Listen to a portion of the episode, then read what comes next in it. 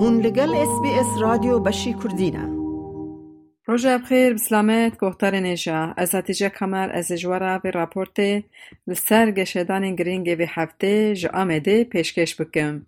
هنرمند کرد این افدار بیتو جان ز دوزده ایلون دال ستوکولم چو سردلوانی خواه دیار بکر مالا من. هدا دگری. روژا پیشمه مالباتاوی هوال و هوگرینوی به ستران نافدار این هنرمند او لستوکولم سپارت ناخه. هنرمند کرد 68 سالی به او سه سال بکل همبر کانسره تکوشینکا ماسند دا. لی اف تکوشین د دوزده ایلونه دا. بر دست سبر نخوشخانه که بداوی بو بیتو جان جفارقی نی جنافچه آمده جبر سدمن سیاسی ده سالا حزار نهستد و نوتو دو دیانده کوچه سوی دکریه. بچار آبوم خواه دناب موسیقا کردی ده جیه خواه چه کریه کو سترانه ونوی ایدی بونه سترانه کلاسیک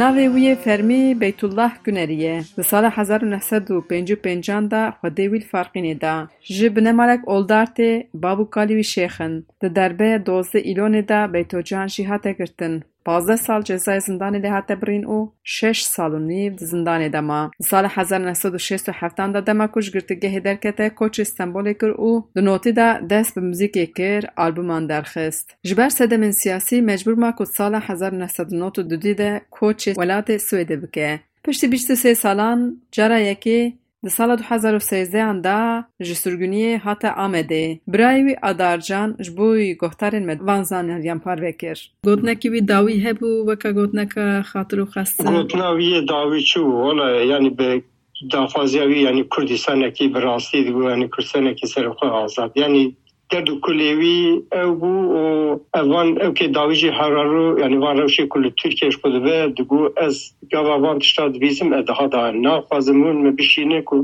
او یعنی اف دولتا کن حال سری از نافازم کو اله وی روشی دشوانه بشینه یعنی او پای کو تجید بو یعنی عاجز بو Salvegera kuştina jîna Emîniyê ku li Amedê jî di dema kuştinawê de gelek jin xwepêşandanan kiribûn, kuştinawê şermezar kiribûn. Porê jina bibû sembola azadiya jinan. Herçend bernameyên yadkirinê li Amedê nehatin îlankirin lê di çavereye ku çendîn çalakî çê bibin ji bo giyanê wê şad bikin. Hevseroka Partiya Herêmên Demokratîk û Parlamentera Mêrdînê ya Partiya Çepên Kesk Saliha Aydeniz bandora kuştina jîna Emînî li ser Kurdan û li ser Tirkiyeyê wiha nîrxan. Am piştî jî neamînê aslında ew e, sistema dagirkerî sistema diktatoriye hemberê wê aslında gotina jin jiyan azadî aslında nav civakê de civakbûyîn pêşxist û nerazîbûna s- rejima diktatoriyê civak hemû e, rabûn serpiya pêşengtiya wê zî jinê Kurd û jinê Îranê gelê rojhilat e, kir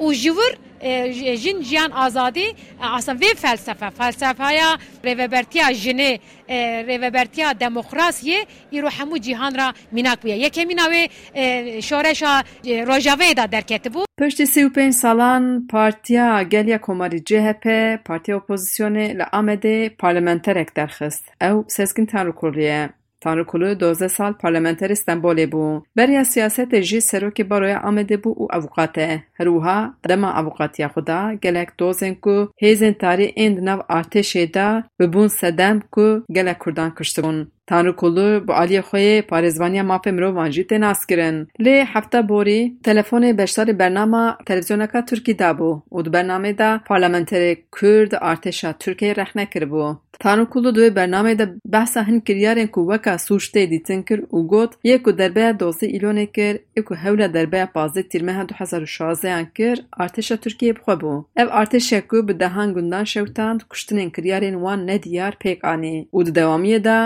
خب، خوبا دوماند دوزه کا ku min lê dişopand heye ku artêşa Tirkiyeyê panzdeh gundiyan ji helîkopterê avêt û dadgeha mafê mirovan ji ber vê yekê Tirkiyeyê ceza kir. Lê ev gotin bû sedema bertekên mesin û dozgeriya Enqereyê di derbarê parlamenterê Amedê Partiya Geliya Komarî Sezgin Tanrıkulu da bi sûcê ku dewletê sazî û rêxistên dewletê bêrûmetkiriyê lêpirsîn vekir. Ne serokê CHP ne jî berdevekê partiyê li Tanrıkulê xwedî derneketin û gotin ku artêş roniya çavê gelê Tirkiyeyê. Doza ku Tanrıkulu behs dike di sala hezar û neh sed û nod û susiyan da li gundek Pasurê Ango Qulpê ya Amedê li ser windakirinê yazdeh gundiyan e. Tanrıkulu ebuqatê wê dozê bûye û di daxuyaniyek nivîskî da got dewletê wan gundiyan bi helîkopterê biriye û winda kiriye.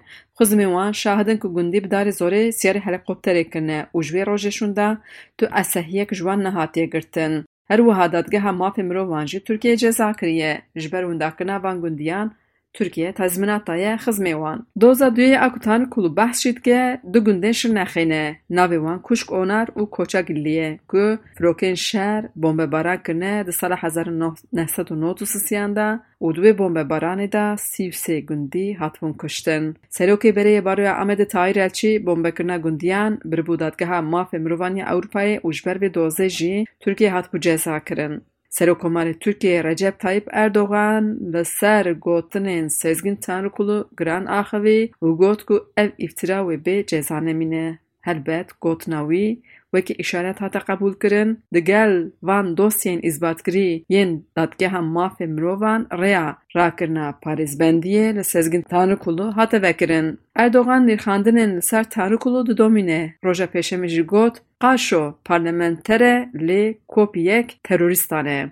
وزارت دادشی راگهان کو جبول پرسین لپارلمنتر جهپی سزگین تان کلو و به وان دستور دایه سردوزگری انقره و وی گاوی را راکرنا پاریس بندی و دادکرنی لسزگین تان کلو و دبه از هاتیجه کامر موی راپورت جورا جامده پشکش کر لایک بکه پارا و بکه تیبنی آخوا بنفسینا اس بی اس کردی لسر فیسبوک بشو بینه